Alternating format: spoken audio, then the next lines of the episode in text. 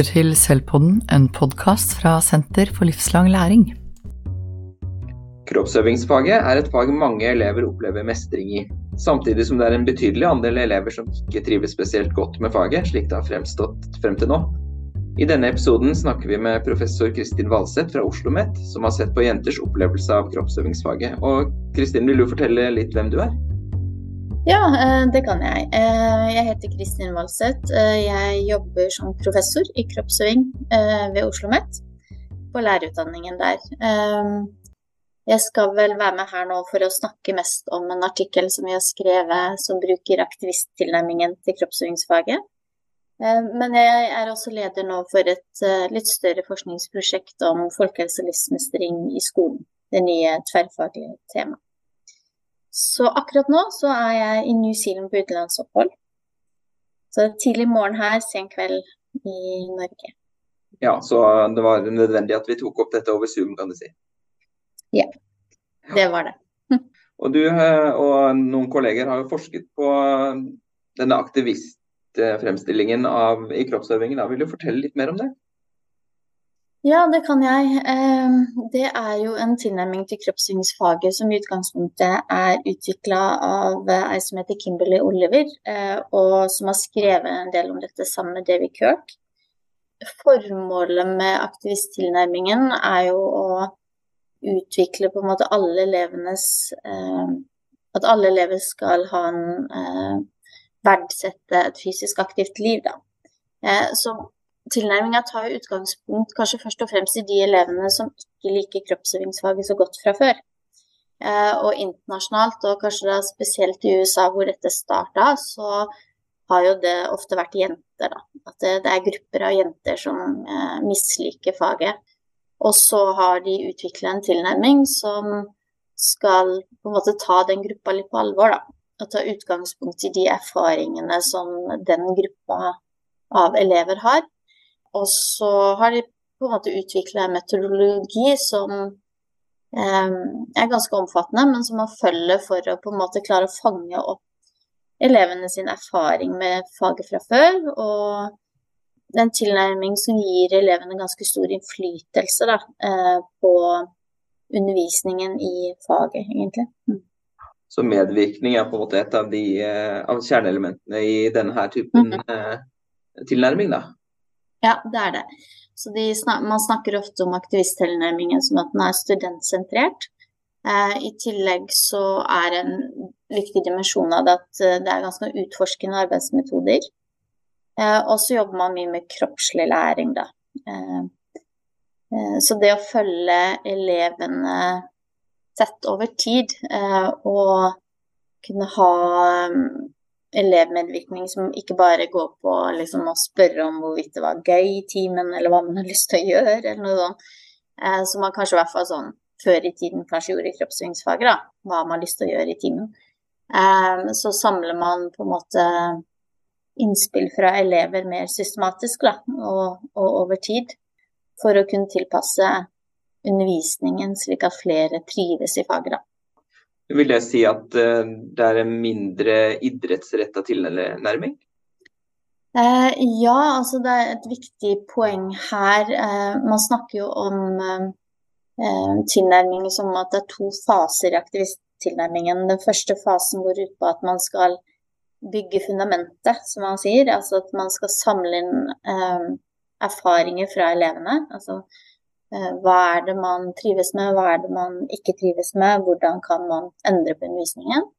Og så skal man også lage noen sånne kjøreregler, altså at eleven da, lager noen kjøreregler for hvordan man ønsker at læringsmiljøet skal være for at alle skal trives.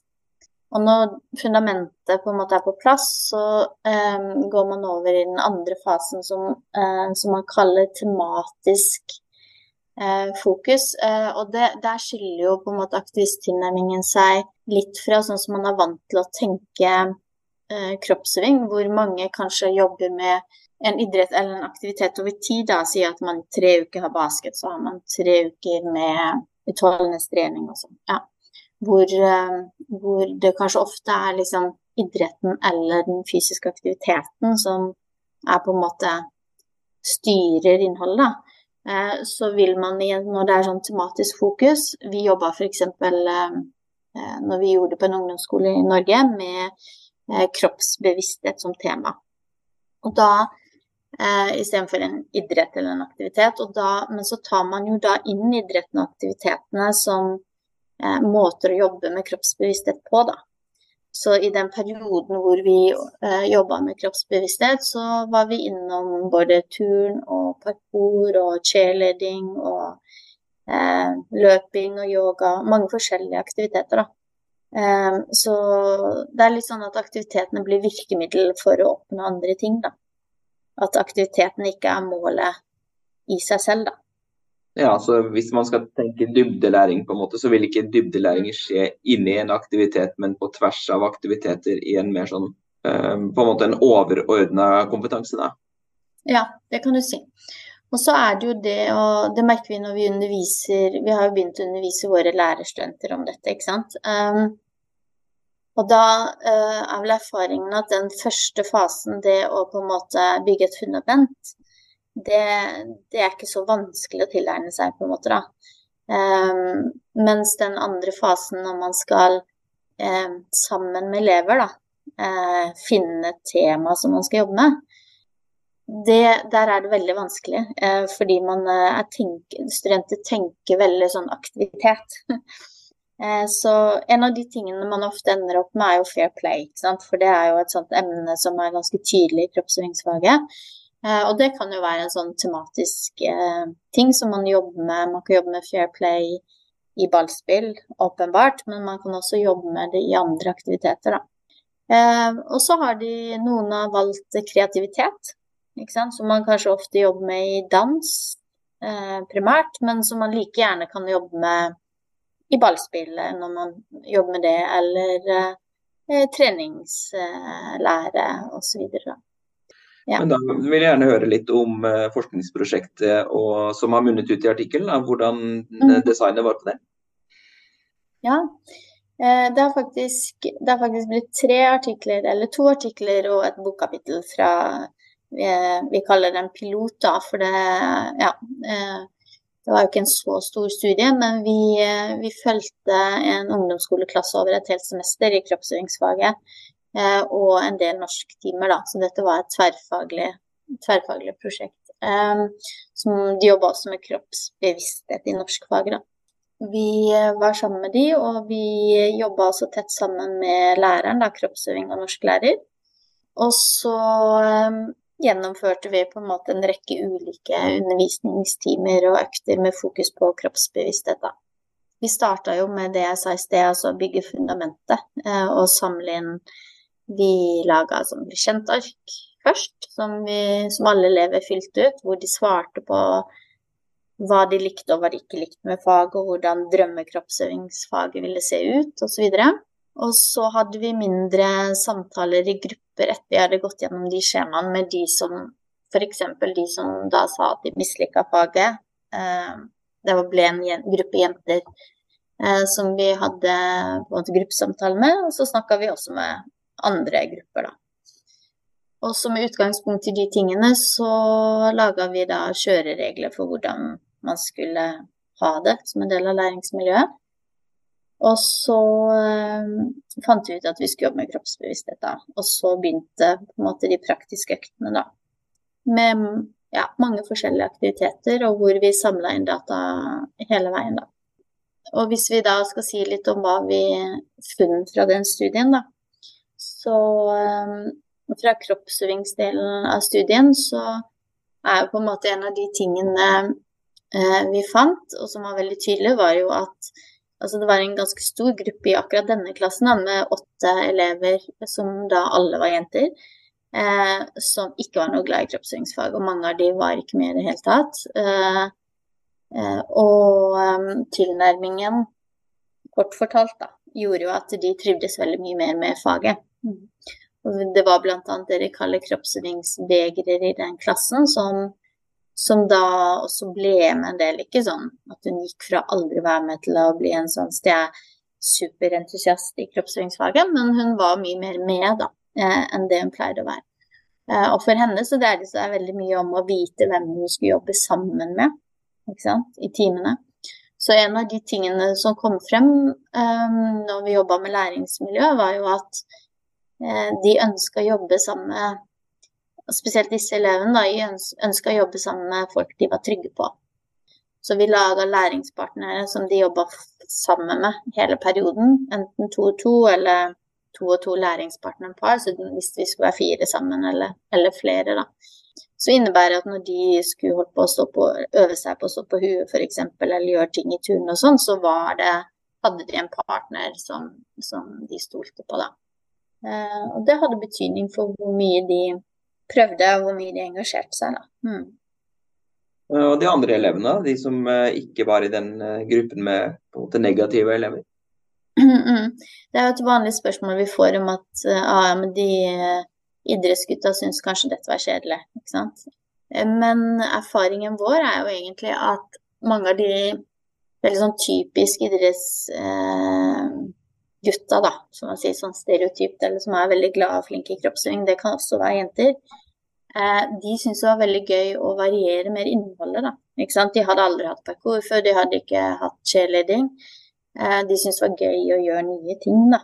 Det dreier seg vel sikkert litt om at de har det vi kaller så mye sånn fysisk kapital. Da, at de, er, de, tar mange motoriske ting lett. Eh, og syns det er gøy å, å utfordre seg på nye måter. Eh, men vi hadde også noen som liksom underveis skjønte syntes dette var litt ukomfortabelt. Og det var eh, primært et par gutter som da Vi fanga det ikke opp sånn med en gang, for når gutter syns ting er ubehagelig, så kan de være mer sånn fjasete og tullete og ikke ta det seriøst, enn å Så mange av de jentene som vi, som vi på en måte jobba med, var jo mer sånn som trekte seg tilbake og ble stille og usynlige når de mistrivdes i faget. Mens det var et par gutter som da ble veldig sånn tullete, da. Ikke sant? Og ikke, ikke ville øve og ikke gjøre de tinga som man får i oppgave å gjøre. Og vi skjønte vel etter hvert at det også dreide seg om at de ikke følte seg komfortable i settingen. At det nå plutselig var mange nye aktiviteter som de, som de ikke fiksa. Ikke sant? Og, de, og, at det kanskje var tryggere for de da å spille kanonball og fotball og de tingene de har spilt i mange år, da, som de, som de vet at de mestrer sånn OK, da. Eh, så det er jo noe som vi kanskje også må ta med oss, da, at det her å Eh, mistrives i kroppsøving er jo eh, Det kommer jo til uttrykk på ulike måter, da. Ja, og... Det er kanskje ikke alle som sier at de mistrives, sånn eksplisitt. Mm. Nei, og professor Ida Lyngstad han har jo tidligere lansert begrepet ribbeveggsløpere. Da, og det er vel. Noen av disse du beskriver, mens de som, mm. de som, fjaser mer, det blir på en måte en annen gruppe. Men det er like viktig å ta tak i den gruppa. Ja da, absolutt. Eh, og de eh, det er jo ikke alltid så lett å skjønne hva som ligger bak det fjaset, ikke sant. Men det tenker jeg er, er jo en av styrkene med aktivisttilnærmingen, at du, at du samler innspill fra elevene liksom over tid, ikke sant. Eh, sånn at du har mulighet til å fange opp sånne ting, da. Og justere opplegget eh, etter, eh, etter det, da. Og så tenkte jeg skulle si også at det er jo i USA så er jo, når dette starta, men også for så vidt de som skriver om dette i England, så er det et veldig sånn tydelig kjønnstilnærming da, til aktivisttilnærmingen. Fordi at man tenker at det primært er Eller at det er en hovedvekt av jenter da, som ikke trives i faget. Men eh, fra norsk forskning så vet vi jo at dette også dreier seg kanskje like mye om tidligere erfaring fra idrett og fysisk aktivitet. Sånn at eh, selv om det er en tydelig en sånn kjønnsdimensjon i kroppsving i Norge òg, og det er et fag som er dominert av guttene, så dreier det seg også mye om at uh, de elevene som har mye fysisk erfaring, idrettserfaring fra fritiden, da, de er ofte veldig glad i faget. Mens de som har mindre erfaring, gjerne er litt mindre glad i faget. Så det, det er en ja. viktig dimensjon ved det òg.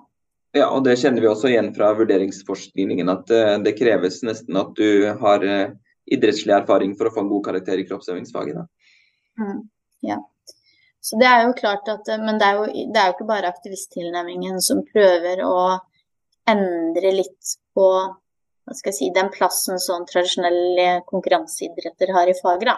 Det er jo internasjonalt i veldig stor grad. Og her i New Zealand hvor jeg er, så underviser jo de ikke lenger idretter ikke sant, på kroppsøvingsstudiet. De underviser ulike pedagogiske modeller hvor ballspill eller andre aktiviteter er en del av, av det. da. Eh, så klart det, Og det er jo veldig mange lærere som allerede har tatt til seg det her. Eh, så faget er jo veldig i endring, ja. Det, det må man kunne si. Men men det er veldig tydelig i, um, i aktivisttilnærmingen at man jobber, med, man jobber med temaer hvor idrettene blir sekundære, på en måte. De blir midler for å oppnå noe annet. Da. Mm. Ja, og Det vil vel si at læreren må jo også ha en ganske god forståelse for hvordan sluttkompetansen i faget skal se ut, da, for å kunne tilnærme seg den på andre måter enn gjennom uh, å ha fokus på selve aktiviteten. Ja, og så er det jo Eh, en av utfallene av dette som vi, prosjektet som vi kanskje ikke tenkte så mye over, for dette var en tiendeklasse, det var jo at den gruppen elever som vi jobba med, de fikk jo veldig gode karakterer i kroppsøving for første gang. Og som læreren sa da, at de var, ja, ja, men de var jo kjempegode i de tingene vi drev med. Så, så det er jo Ja, det spiller jo inn i den der evinnelige diskusjonen om vurdering i kroppsøvingsfaget, da. Ikke sant. Hva, hva som skal, hvordan det skal gjøres, da ja, hva som verdsettes av læreren i faget. Ja, absolutt. Ikke sant. Mm. Men det får jo også kanskje implikasjoner for hvordan lærerne kan planlegge undervisninga si. Da. For i en tradisjonell årsplan så ville man jo kanskje ha en seksukersperiode med volleyball og en seksukersperiode med turn, da. Men, eh, men, det blir jo kanskje vanskelig med en sånn her tilnærming? Ja, det, det vil jo krasje fullstendig eh, med en sånn tilnærming. Eh, og det er jo eh, kanskje en av de tingene som ja, Altså det er forska litt nå på studenter og Eller sånn i USA så eh, er man jo mer i praksis når man studerer kroppssving. Altså man er mye ute i skolen. Og en av de tingene, derfor er det forska en del på kroppssvingslærerstudenter. Da. Og eh, en av de tingene som de rapporterer, er jo at det er en stor overgang å skal gi fra seg mye av det lærerstyrte undervisningen. Da. Ikke sant? Fordi dette er jo en studentsentrert tilnærming hvor det er mer utforskende arbeidsmetoder. Eh, så man gir jo fra seg på en måte mye av den regien, da. Kanskje også kontrollen, som, en, som man ofte er opptatt av å ha i kroppsøvingstimer. Mange som syns det er en veldig stor endring, det er en stor overgang. Ja. Ja, og jeg har også lest en artikkel fra professor Gunn Egilsrud på Norges idrettshøgskole. og Hun forteller jo om at det er jo ikke nødvendigvis sånn at alt som skal foregå i kroppsøvingen skal være gøy. At læring er jo ikke alltid gøy. og Det kan jo kanskje bli litt vanskelig her hvis, du, hvis elevsentreringen blir så høy at du ikke kan utsette elevene for noen aktiviteter de oppfatter som krevende. da. Mm -hmm. Ja, jeg tror det er Men det er også det da hva ligger i elevsentrert og sant. Um, jeg tenker det er jo en misforståelse å tenke at um, det at det er elevsentrert betyr at man bare Altså hvis de sier ja, i dag vil vi spille kanonball, så skal vi spille kanonball, liksom. Uh, det er jo ikke det det dreier seg om. Det dreier seg om Det er jo på et mye dypere plan, da. Ikke sant. At man uh, jobber med de over tid for at de skal bli verdsette et fysisk aktivt liv da, i større grad. Og, og gjøre justeringer i undervisningen osv. For, å, for å få til det. Da. Så det er klart at her planlegger man også, ikke sant? men man planlegger på en annen måte. Så det er klart, da vil man jo typisk istedenfor at man planlegger tre uker med Jeg vet ikke, jeg husker ikke hva du sa, om det var fotball og så turn eller hva det var. Så, så planlegger man her en tematisk et tema for kanskje fem uker, da. Så skal vi jobbe med fair play i fem uker, f.eks. Eller eh, ja, det, det, er jo utvikle kreativitet, eller som noen har f.eks. hatt og jobba med å bli kjent med treningsmuligheter i nærmiljøet. Eller um, i USA så er det å jobbe med å være en leder, og, og lede på ulike måter en, en sentral del. Men det, det, er jo viktig å si at dette skal skje innenfor rammene av eh, læreplanen i kroppsøving, da, ikke sant. Så det er jo at eleven også blir litt kjent med de, da. Eh, hvilke rammer er det for faget her, hva er det man egentlig skal lære? og det som på en måte er på en må Mange syns jo at, en, altså at læreplanen er vag, og at, uh, at det er krevende. Men det, i denne sammenhengen så er det jo litt fint da, at det er rom. ikke sant, At læreplanen sier ikke sånn at man skal lære fotball f.eks. i 10. klasse. Den er eh, mye åpnere når det gjelder aktiviteter. Eh, så det er fint mulig å jobbe med kroppsbevissthet f.eks., som vi gjorde da, over tid. Og bruke ulike aktiviteter inn i det arbeidet. da. Mm. Ja, og da kan jo læreren legge opp til aktiviteter som kan være ganske slitsomme og strevsomme og frustrerende for elevene, nettopp for at de skal kunne kjenne på de følelsene og utforske og forstå sin egen situasjon. Absolutt. Det, og det jeg tenker eh, Sånn som den ene jenta som var med i studien vår, så de, altså elevene skrev eh, type sånn eh, dagbøker etter timen, da, eller sånn kort etter timen, og svarte på spørsmål og sånn. Og en av de tingene som hun skriver at hun hadde lært, var jo at hun trodde hun hadde høydeskrekk. Eh, men så var hun flyer i cheerleading, liksom. Og hun sant, Det var litt sånn litt ubehagelig, men hun, hun skjønte at dette fikser jeg, liksom. Så det er klart at det kan være mye sånn eh, kroppslig ubehag også med en sånn tilnærming. ikke sant? Det, ikke, det, dreier seg ikke om at ting bare skal være gøy. Men det er jo litt avhengig av hvilket tema man jobber med, ikke sant? som man velger å jobbe med. Ehm, jeg vet noen fra USA har jobba med bli kjent med ulike intensiteter på trening. Det har vært et tema. At de skal lære forskjeller på intensitet, og må også da Eh, finne litt ut hva man liker selv ikke sant, og drive med osv. Og, og det betyr jo at de også har høyintensitetstrening og må reflektere over det. ikke sant, og, og yoga, eller mer lavintensitetstreningsformer. Da. Så det, det, er, det kommer an på temaet hele tida. Og da vil man jo ikke tenke at man har høyintensitetstrening for å bli i bedre form, egentlig, men for å forstå hvordan dette kan påvirke deg, og at du får mm. erfaringer som du kan bygge på til senere.